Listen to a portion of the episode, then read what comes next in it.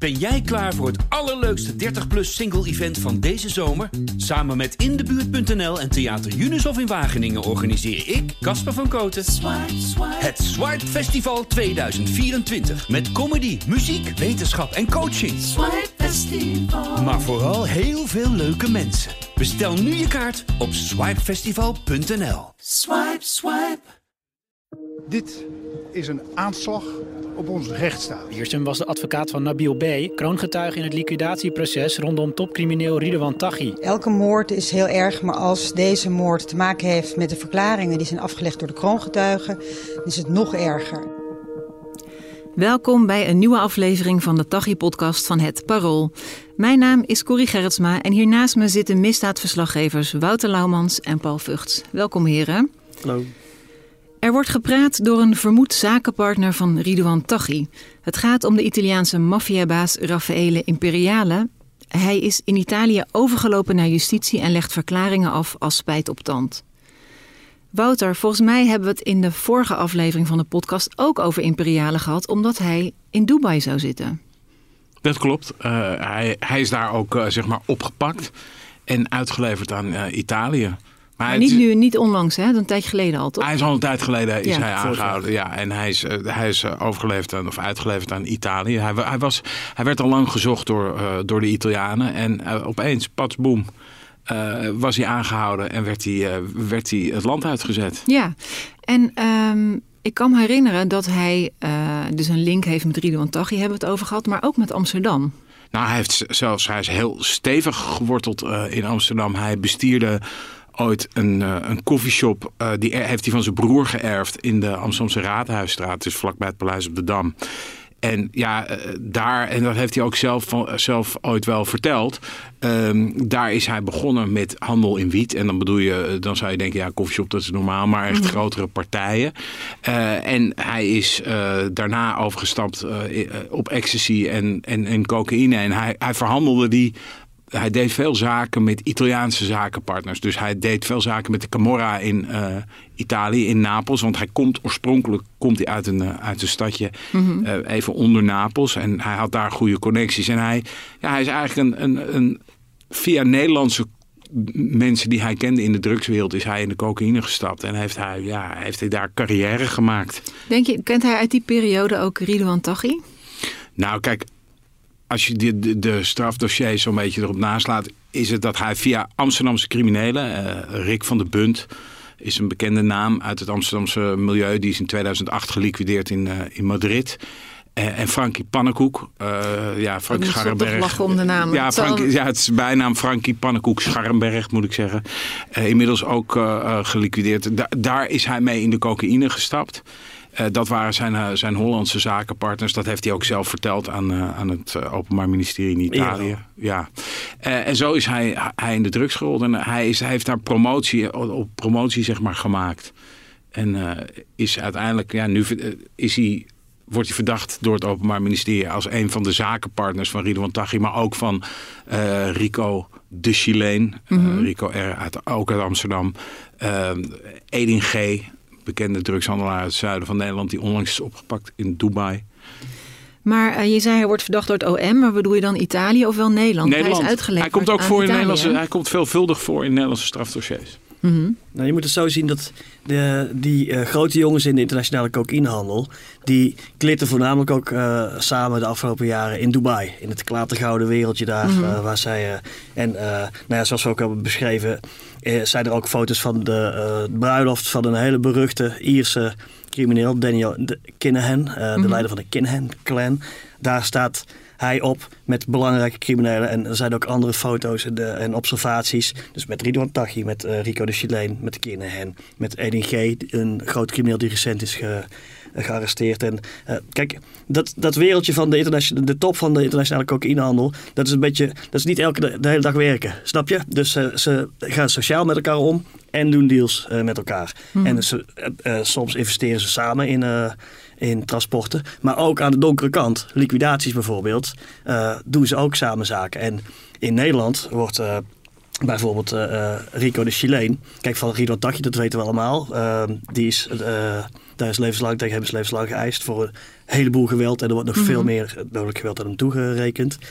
Uh, bij Rico de Chileen, die is nu tot 11 jaar cel uh, veroordeeld voor het leiden van twee criminele organisaties. één in witwassen en één in liquidaties die niet nader zijn, uh, los zijn bewezen. En daar werkt het ook bij het ministerie al heel lang aan, aan een extra zaak waarin ook concrete liquidaties zouden moeten worden ehm, bewezen. En dat soort gasten, en dat, dat, speelt ook, die spelen ook samen weer een rol. Dus in de zaak van Rico de Chileen komt Rafael Imperiale voor in, in dat dossier. Als iemand die uh, met ninjas, uh, ja, vergeef mij de verkeerde tekenfilmassociaties, maar met ninjas iemand moest laten liquideren, een Nederlandse Marokkaanse crimineel in Dubai. En daarom is dit zo belangrijk, is het siddert de onderwereld zoals wij dat hebben beschreven, voor wat vertelt die Rafael Imperiale over ons in ja, Italië. Dat snap ik. En uh, Wouter, kan je nog die imperiale een beetje meer duiden? Want hij heeft nog wel, uh, hij is al vaker opgepakt door de politie. Nou, hij, hij is de man die, uh, die ooit de Van Gogh schilderijen die in Amsterdam uh, gestolen waren heeft gekocht. En in ruil voor uh, strafvermindering weer heeft terugbezorgd. Dus hij heeft, Imperiale heeft nou, in 2017 of 2016, sorry, heeft hij een deal gesloten met de Italiaanse justitie. Toen zat hij zelf in Dubai. Mm -hmm. Dus hij werd verdacht van drugshandel en, en, uh, en witwassen en dat soort dingen. En toen heeft hij, heeft hij een uitgebreide verklaring heeft hij, uh, heeft hij afgelegd in ruil voor een soort strafvermindering. Hij is, ik geloof dat hij aanvankelijk werd veroordeeld, en dan kan ik het verkeerd zeggen, maar volgens mij tot 16 jaar. En die straf is teruggebracht tot acht jaar. Maar die heeft hij dus eigenlijk nog nooit uitgezeten, hij omdat hij gewoon in Dubai hij is zat gebleven. in Dubai, dus hij heeft ook een schriftelijke verklaring gehad. Dus die, die, dat proces dat is daar in Italië geweest. En kennelijk is er nu, zijn er dus nu nieuwe verdenkingen tegen mm -hmm. hem. Is er een nieuw, uh, nieuwe strafzaak die lijkt te draaien om, om witwassen en uh, handel in goud en in drugs en dat soort dingen. Uh, en, en, en daarin uh, is hij nu aan het praten. Ja, en, en weten jullie al iets over hoe serieus dat is dat hij gaat praten? Nou ja, je kunt niet in Italië een deal maken met justitie, een, een als pentito zeg maar, een echte deal met justitie zonder alles te moeten vertellen. Uh, en daarom zijn uh, nou, hier binnen de opsporingsdiensten in Nederland uh, stonden ze echt op tafel te dansen. Maar goed, alles, ik weet natuurlijk nooit of iemand alles vertelt, nee. toch? Nee, maar je kunt niet zeggen, hier praat ik niet over. Ik wil alleen een deal. Je hebt over één zaak je hebt wel ja. kroongetuigendeals bijvoorbeeld, waarin iemand moet zijn eigen rol uiteraard en over mm -hmm. alle moorden, maar niet over zijn drugshandel hoeft te praten of zo. En wat wij begrijpen uit uh, uh, vele mensen binnen de opsporing die we hebben uh, gesproken is... in Italië is de verwachting dat zodra Nederlandse rechercheurs dadelijk aan de beurt zijn... om hem in Italië te, uitvoerig te mogen bevragen... Ja, dus die gaan samenwerken. Ja, dat, ja en dan, dan, moet hij ook all-out. Dat is de, letterlijk de term die wij steeds horen. Hij gaat all-out alles moeten verklaren. En de overtuiging aan de kant van het Openbaar Ministerie is dat hij dat ook gaat doen. Hier uiteraard de andere kant, verdediging van uh, belangrijke, mogelijk te beschuldigen uh, uh, verdachten of criminelen. Bijvoorbeeld mm -hmm. de advocaat van Rico de Chileen, die zegt, nou ja, hij maakt een deal met justitie en, en de rest is het open history en hij zei, we zullen wel eens zien of het iets voorstelt. Maar dat is niet hoe er binnen de opsporing tegenaan wordt gekeken. Nee, die zijn dus blij. Ja, je moet wel bedenken, kijk, um, dat zakenpartnerschap of vermeend zakenpartnerschap met Ridwan Taghi, dat is ja, voor Ridwan Taghi ik weet niet of het heel veel voor hem persoonlijk uh, uitmaakt. Maar er zijn dus. Uh, kijk, dan moeten we heel even terug. terug. De neef van Ridwan Taghi, de advocatenneef, komen we zo ook nog verder mm -hmm. over te praten. Die is op bezoek geweest bij, uh, bij Taghi en die zou uh, als een soort ja, loopjongen informatie hebben doorgegeven. Ja. Uh, en er zijn ook al eerder berichten zouden naar buiten gesmokkeld zijn. Een van die berichten, daar, daarin lijkt Ridwan Taghi over drugshandel te praten met Raffaele Imperiale. Dus met andere woorden, het uh, uh, Taghi zou daar gesproken hebben over uh, handel in drugs. Van hey, ik krijg nog zoveel van jou voor dat transport. En waar waarom word ik, mag ik niet meedelen in transporten? Mm -hmm. Ik zit al zo lang in de gevangenis en je laat me niet meedelen. Dus eigenlijk nog best wel tot kort geleden een ja. link. Ja, en vergis je niet, want uh, kijk, Ridwan Taghi, waarom maakt het voor hem niet zoveel uit? Er wordt al levenslang tegen hem geëist. Hij gaat er zelf al uh, vanuit dat hij in de grote zaak Marengo levenslang gaat krijgen. Maar zijn hele entourage om hem heen, die... Ja dat zijn de mensen die dus met Raffaele lijken te hebben doorgehandeld in uh, cocaïne. Dus lees, als Raf Imperiale vol te biecht gaat, dan kan het voor de entourage, uh, familieleden en ook andere uh, ja. handlangers van uh, Tachi, enorme gevolgen hebben. Terwijl die nu nog, nou ja, hoopte ongeraakt te blijven. Los van wat er in al die PGP-berichten en zo, die allemaal nog ont, ontsleuteld zijn. Ja, nu begrijp ik ook dat het, dat het in die zin belangrijk is. Want ik dacht al, wat kan het hem nog gebeuren als hij al in Marengo zit? Maar dat gaat natuurlijk om die hele organisatie om hem heen. Ja, maar stel nou, gewoon om even aan te geven hoe belangrijk dat kan zijn. Stel, die Rafael Imperiale die zegt bij een PGP-account... ja, dat PGP-account, dat ben ik. Ja. Nou, dat is, dan, dat, dan, trek, weer, dan, eh, wordt, dan kunnen er zoveel puzzelstukjes gelijk gelegd worden waarvan ze zeggen, ja, in, in, uh, hè, hij verklaart dat. En als hij daar nog bij zegt, nou, en dat andere account waarmee ik dan communiceer, dat is diegene. Ja.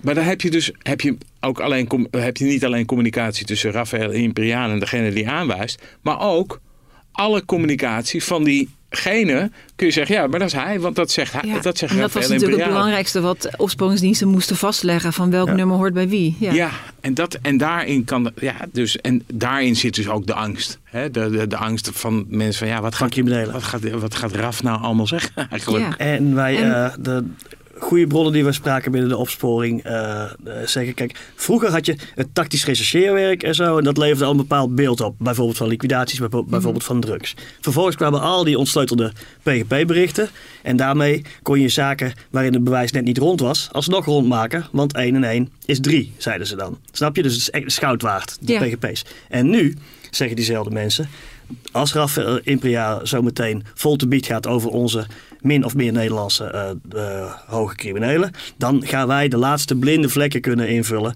in allerlei zaken die we nog hebben liggen. En dat is echt een overtuiging die diep geworteld is in, uh, binnen politie en justitie die zich met de wereldwijde cocaïnehandel bezighouden. En het is misschien een flauwe vraag van iemand die al heel lang in het criminele wereld zit en al eerder aangeklaagd is in die imperiale.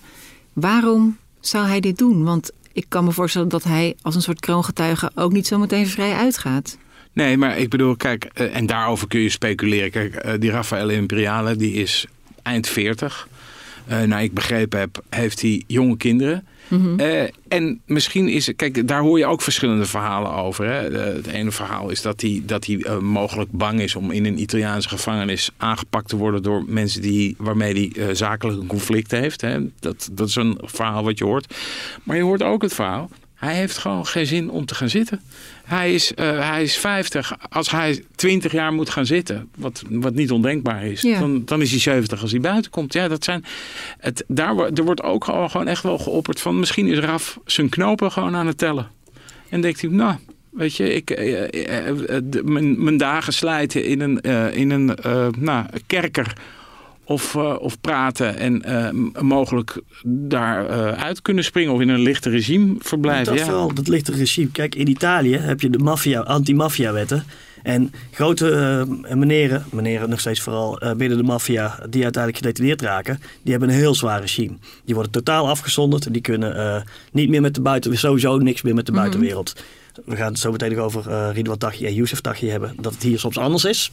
Uh, maar dat regime wordt echt wel gevreesd, zeker door mensen die, zoals het in het wereldje heet, niet kunnen zitten. Mm de een kan beter tegen detentie dan de ander. gaat boeken lezen, Spaans studeren of, of wat dan ook. Ja. en de ander wordt helemaal gek in de bias, biasmaf of iets ertussenin. nou, aardig wat uh, mensen van zijn kaliber.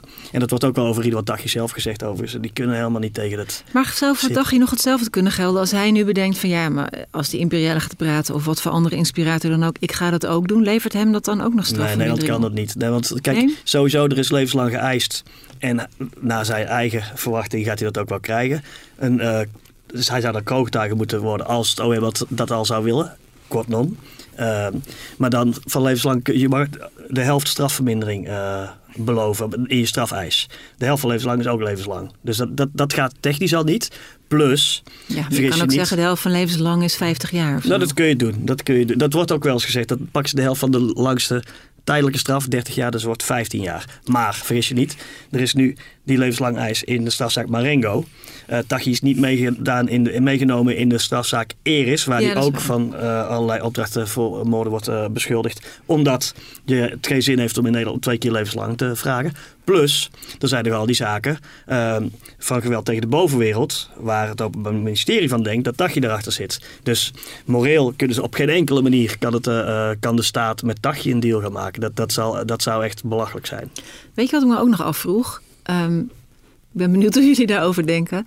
Die imperiale was dus al een keer, heeft al een keer een deal gesloten met justitie. En nu doet hij dat gewoon nog een keer. Is die, wordt hij dan als een soort betrouwbare broeder in de criminele wereld gezien? Of is dat gewoon ja, Let men daar gewoon niet op? Dat is een, eh, een, goede vraag en ik weet het antwoord daar gewoon niet op. Misschien heeft hij zijn PR wel heel goed in orde en heeft hij gezegd: ah ja, joh, ik heb toen, slim, misschien. Ik heb toen destijds heb ik wat, wat no-no's heb ik, uh, voor de bus ja, gegooid. Dat, en, en kleinere misdrijven. En maakt ook nog uit of je over de grote mannen praat natuurlijk. En over de grote misdrijven. Of alleen naar beneden. Als, ja, dus een beetje, een beetje op iemands uh, naar, naar beneden schoppen. Uh, dat, dat wat mij wel op, want wij hebben hem, de, wij hebben zijn uh, verklaring van destijds, die, die hebben wij gelezen. En wat mij wel opvalt, is op het gebied van Nederlandse criminelen, daar zegt hij wat over. Dan zegt hij op een gegeven moment van nou, ik werd voorgesteld aan Rick van der Punt. Mm -hmm. En daarmee stapte ik in de cocaïnehandel. Ik, ik parafraseer het nu. Maar hij werd um, voorgesteld door een man met Indonesische roots. En toen dacht je, ah, je noemt de doden, noem je wel. Hè? Rick van der Bunt, Frank uh, Scharrenberg, Pannenkoek, die noem je wel. Maar de misschien nog levende mensen, die noem je niet.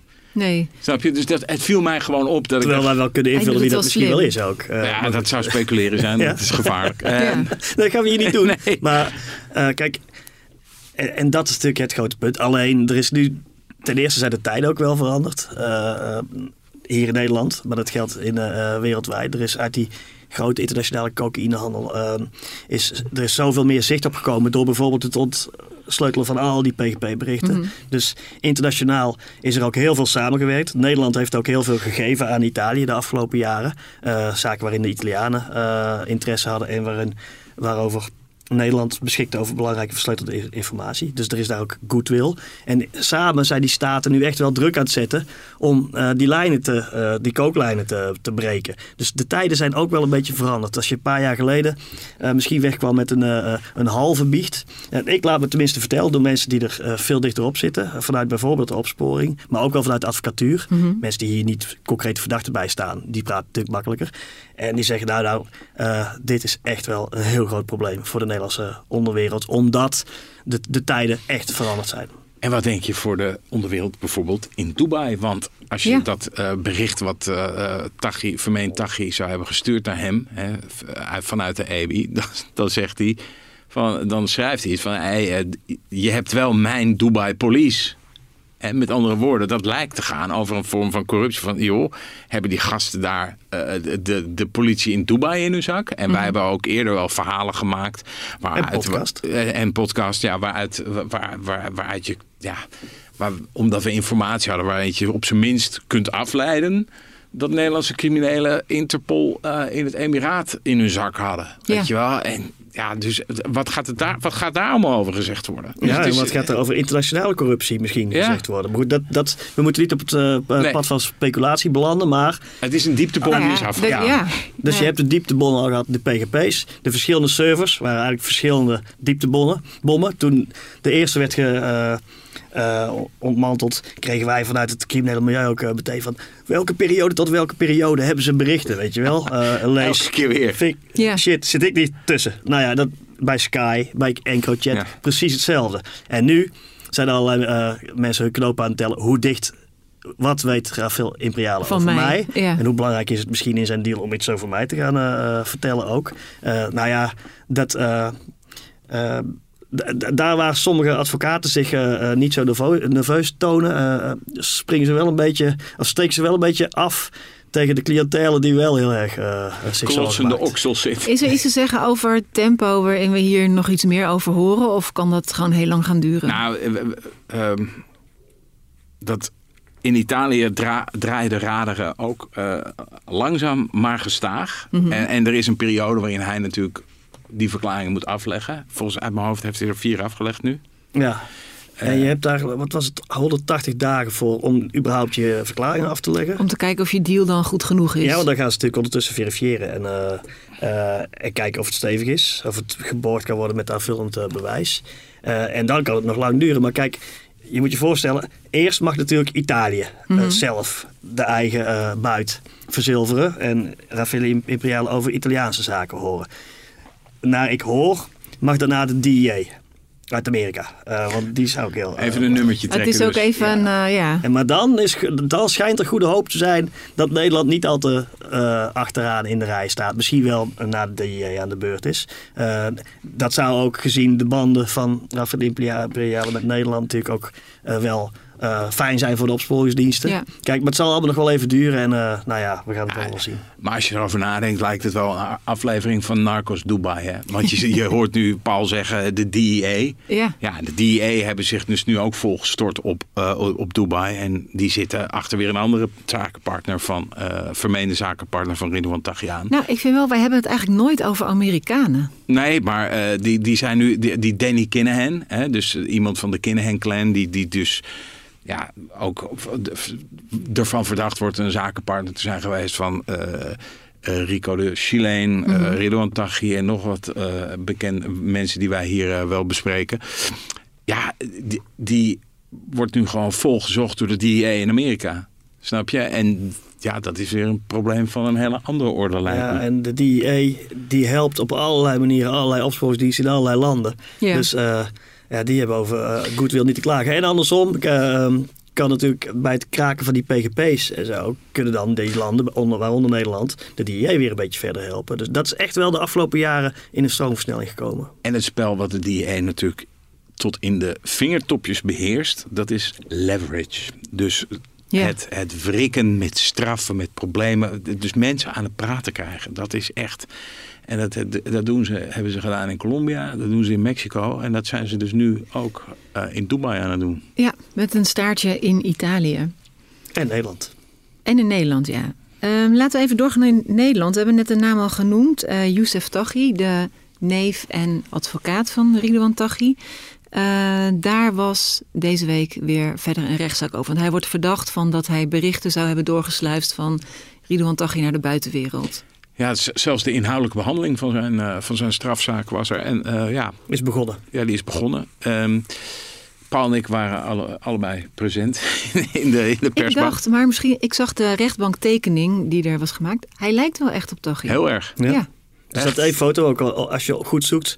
Ik weet niet of het nog zo is, maar je kon hem ook vinden. En als je die foto uiteindelijk uh, opgezocht hebt toen ik die voor het eerst zag dat ik, verrek, ja. Het is familie. dat zouden wel broers kunnen zijn, zijn dus neven. Maar, ja. ja, maar als hij de rechtbank dan in komt lopen, dan, ja, dat, uh, zonder uh, respectloos te willen zijn, maar het is een beetje een slungelige, een slungelige man. En, en zo doet hij zichzelf ook voor, hè? Ja, en hij loopt tegen een stoel aan en dan gaat, en dan gaat hij zitten en dan gaat hij praten.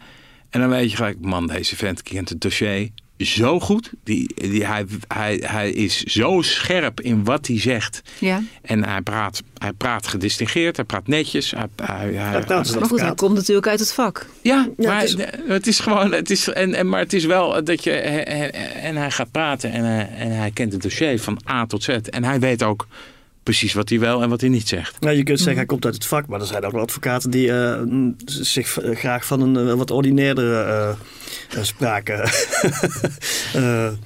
en nu willen we natuurlijk eigenlijk ramen, namen en rugnummers, maar misschien moeten we het er nu niet over hebben. een andere aflevering. Gaan we dat doen. Maar hebben jullie iets nieuws gehoord in die, op die zitting, wat hij misschien verteld heeft? Of iets nieuws over Hij heeft vooral heel erg voortgeborduurd op wat hij eerder al in, uh, bij de recherche en in de uh, uh, proforma zitting heeft verteld. Kijk, zijn verhaal is... ik ben erin getrokken, millimeter voor millimeter. Dat zijn zijn termen. ja, ik kon niet anders. Ik stond in toenemende mate onder druk. en toen ik... en Ridwan Tagje heeft me langzaam dichterbij getrokken en, en, en, toen kon ik niet meer terug. En toen heb ik geprobeerd zaken stuk te maken, als in bij, te vertragen. bijvoorbeeld die ja, hele... Bijvoorbeeld toen hij, je bedoelt als hij van Taghi iets naar buiten moest brengen, heeft hij dat misschien voor de helft gedaan? Je hebt bijvoorbeeld twee beruchte plannen. Eén plan is plan BIOS. Dat zou de uitbraak, de zeer gewelddadige uitbraak, schuine bevrijdingspoging zijn. Waar uh, Taghi met hem over zou spreken en waar hij dan allerlei informatie over heen en weer zou moeten brengen. Met naasten van Taghi buiten.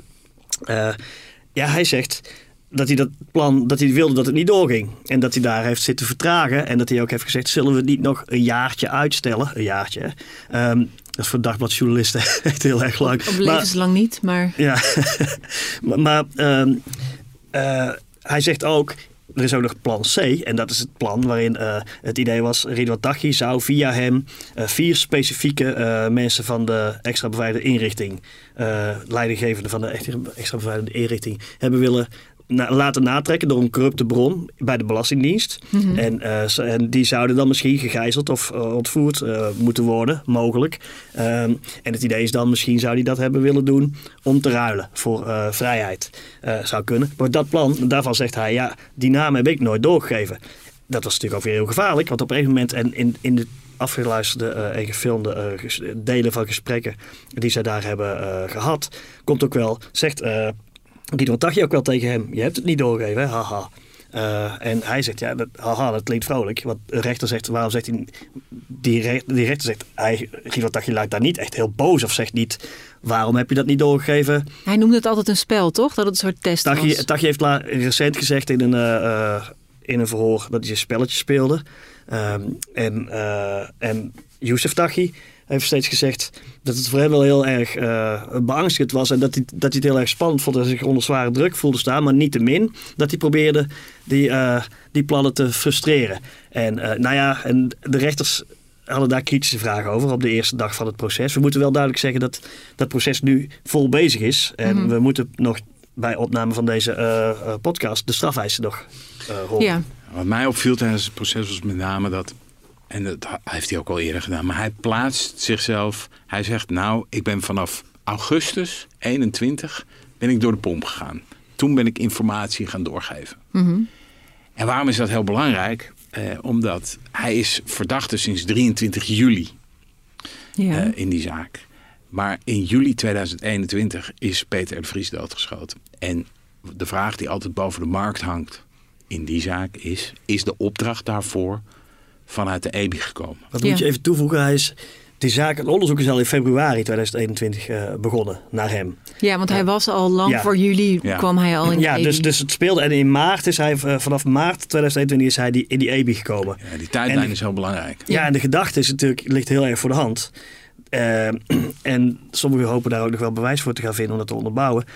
dat Ridwan Taghi via Youssef Taghi en via enkele andere schakels de moordopdracht heeft gegeven uh, Peter de Vries. Te, ja. Maar ja, dat is allemaal, daar is geen stippen bewijs voor aangedragen nog. Uh, tot nee, en Youssef Taghi zegt dus uh, door te zeggen, joh, ik, heb pas, ik ben pas in augustus informatie gaan doorgeven, plaatst hij zichzelf gewoon echt buiten die periode. Ja. En dat voelt natuurlijk als een hoofdzaak in deze zaak. Want Terwijl de schaduw zegt, van die zaak. Ik heb iets gedaan, ja. maar niet dat. Maar niet dat. Dat, nee, dat is wat hij indirect zegt, ja. Plus, uh, die, dat bevrijdingsplan is er niet van gekomen.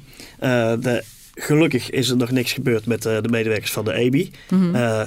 dus het, het, wordt ook heel interessant wat het Openbaar Ministerie straks voor straf gaat eisen. Dus we moeten het requisitor gaan we nog horen en met aan het eind ja. de straf eisen. Maar we hebben het al voor de uitzending eventjes over gehad. Ja, er is niet echt een precedent. Er is niet, niet een, een zaak die eerder heeft gespeeld die heel, heel erg hierop lijkt.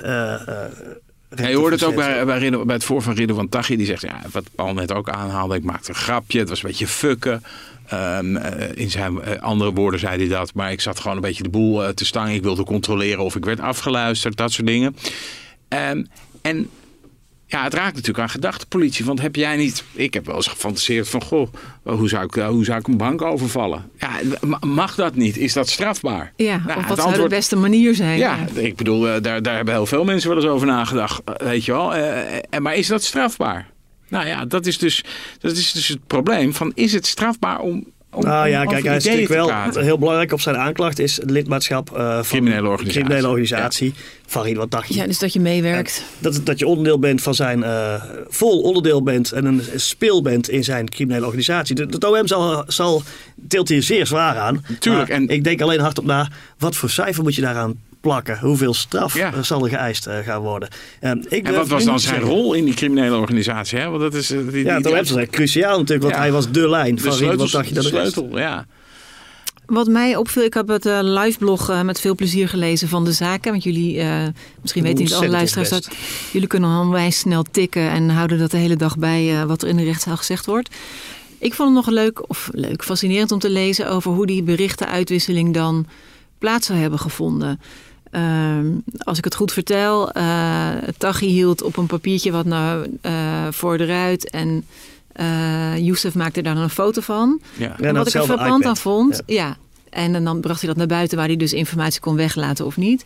Maar dat dat de andere kant op niet kon, omdat Taghi de nummers van de foto's controleerde. Zeker, dat is, eh, ik bedoel, maar Dus als er een serie foto's was, dat hij ze ook allemaal had het gezien. past ook helemaal bij de psyche van, eh, van wat wij, ik bedoel, ik, ik ken de man niet persoonlijk, maar van wat je dan zo opvangt in, eh, eh, via bronnen, maar ook uit straf. Dus het is een, het is een enorm pietje precies hoor. Ja, hij staat bekend als een absolute control freak. Dus, dus hij kan wel controleren wat hij krijgt van Yusuf Ja. Dat klopt. Alleen hij kan natuurlijk, en hij probeert wel te controleren van... hé, hey, de vorige keer heb ik je de opdracht gegeven dit, dit, dit, dit naar buiten te brengen. Ik zie daar nog geen opvolging eh, van. Heb je bijvoorbeeld wel echt die namen van de EBI-medewerker doorgespeeld... aan iemand die het weer kon doorspelen aan een corrupt contact bij de Belastingdienst? Of is dat niet gebeurd? Die spanning zie je wel een beetje in de in maar nog even, want hangen. hij zegt ik heb die namen niet gedaan. En Taghi, of Ridwan Taghi zegt daar ook iets over, je hebt het niet gedaan. Maar uiteindelijk was er wel bewijs gevonden dat die namen zijn onderzocht, toch? Of Nou ja, verkeerd? Nou, in elk geval is het, ik weet niet uit mijn hoofd hoe dat precies eh, in, in het dossier eh, staat. Maar er is in elk geval het Openbaar Ministerie is ervan overtuigd dat het in elk geval vier specifieke, en die namen kennen wij ook, hè, van die mensen zullen we nooit noemen, maar vier specifieke me- medewerkers van de EBI, eh, dat daarop zou zijn gezocht. En het Openbaar Ministerie is ervan overtuigd dat dat echt het plan was en dat daar ook het begin mee is gemaakt. Ik kan me zo uit Nou, mijn hoofd ook- niet herinneren dat, dat er fiscus, eh, dingen uit de fiscus of zo in het dossier Nee, want het zou gaan over eh, eh, dat er iemand was bij de Belastingdienst die namen kon, Ja. kon natrekken. ja. En dat is super eng, hè? want je kunt je afschermen, maar bij de Belastingdienst niet. De Belastingdienst, als je daar een corrupt contact hebt op de juiste plek, met de juiste autorisaties. ja, dat is echt het grote boek van Sinterklaas. En die weten alles Die van je, de Belastingdienst. Ja. De zaak loopt dus nog. En eh, ben je benieuwd naar de strafeis? Volg alle berichtgeving dan op parool.nl.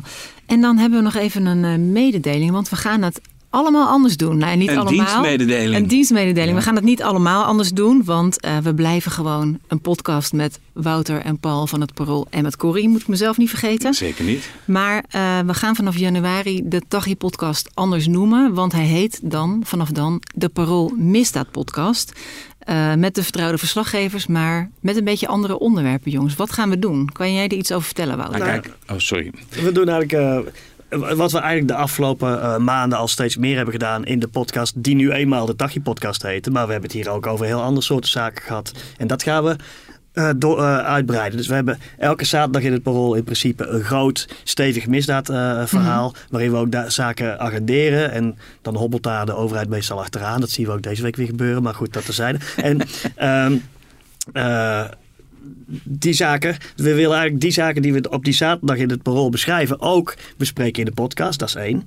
We willen als er belangrijke zaken zijn, bijvoorbeeld omtrent drillrap of over uithalers in de haven van eh, eh, Antwerpen of eh, Rotterdam. We willen de vrijheid hebben om het hele misdaadlandschap in de breedte vol ja, te en dat beschrijven. voelt fijner als we daar niet altijd de naam van Taghi aan. Nee, en het is ook die, dat proces Marengo tegen Tachi, dat duurt eindeloos, maar dat gaat ooit een keer ophouden. Maar het is vooral ook, daar gaat steeds minder in gebeuren tot straks ooit een keer een eh strafhuis of een, eh, een vonnis eh, eh, komt. Ja, en dat gezegd hebben, gebeurt er nu voor mijn gevoel toch wel weer veel. Er zijn nu pleidooien in die zaak. Ja. Maar, maar ik bedoel, en, en we blijven dat ook volgen. En het is ook niet meer eh, niet zo dat we het niet bespreken in, Nee, in deze Nee, dat podcast. is een verruiming. Mensen Alleen- krijgen meer. Je krijgt meer. Eh, eh, alleen de naam, de Dagje podcast, dat, is, dat lijkt, eh, hè, dan, dat doet vermoeden dat je alleen maar over eh, Ja. eh, de zaak Dagje gaat praten. En dat doen we niet meer. Nee, we gaan eh, meer, meer, meer. Dat vond Meer, ik een meer. van jou, Wouter. Eh, hiermee zijn we aan het eind gekomen van deze aflevering van de Nu Nog Taghi podcast. Wil je meer misdaadverhalen lezen van Paul en Wouter? Download dan de app van het Parool op parool.nl slash app. En mail voor vragen nog, nu nog, naar taghi.parool.nl. Bedankt Paul en bedankt Wouter. Mijn naam is Corrie Gerritsma. Dank voor het luisteren en tot de volgende keer.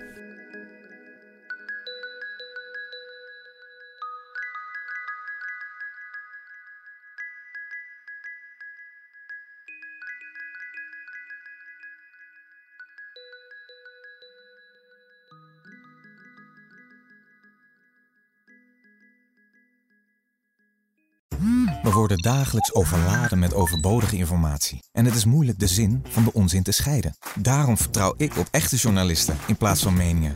Een krantenmens heeft het gemakkelijk. Word ook een krantenmens en lees je favoriete krant nu tot al zes weken gratis. Ga snel naar krant.nl. Bezorging stopt automatisch en op deze actie zijn actievoorwaarden van toepassing. Ben jij klaar voor het allerleukste 30-plus single-event van deze zomer? Samen met Indebuurt.nl en Theater Junushof in Wageningen organiseer ik, Casper van Koten, het Swipe Festival 2024. Met comedy, muziek, wetenschap en coaching. Swipe Festival. Maar vooral heel veel leuke mensen. Bestel nu je kaart op swipefestival.nl. Swipe, swipe.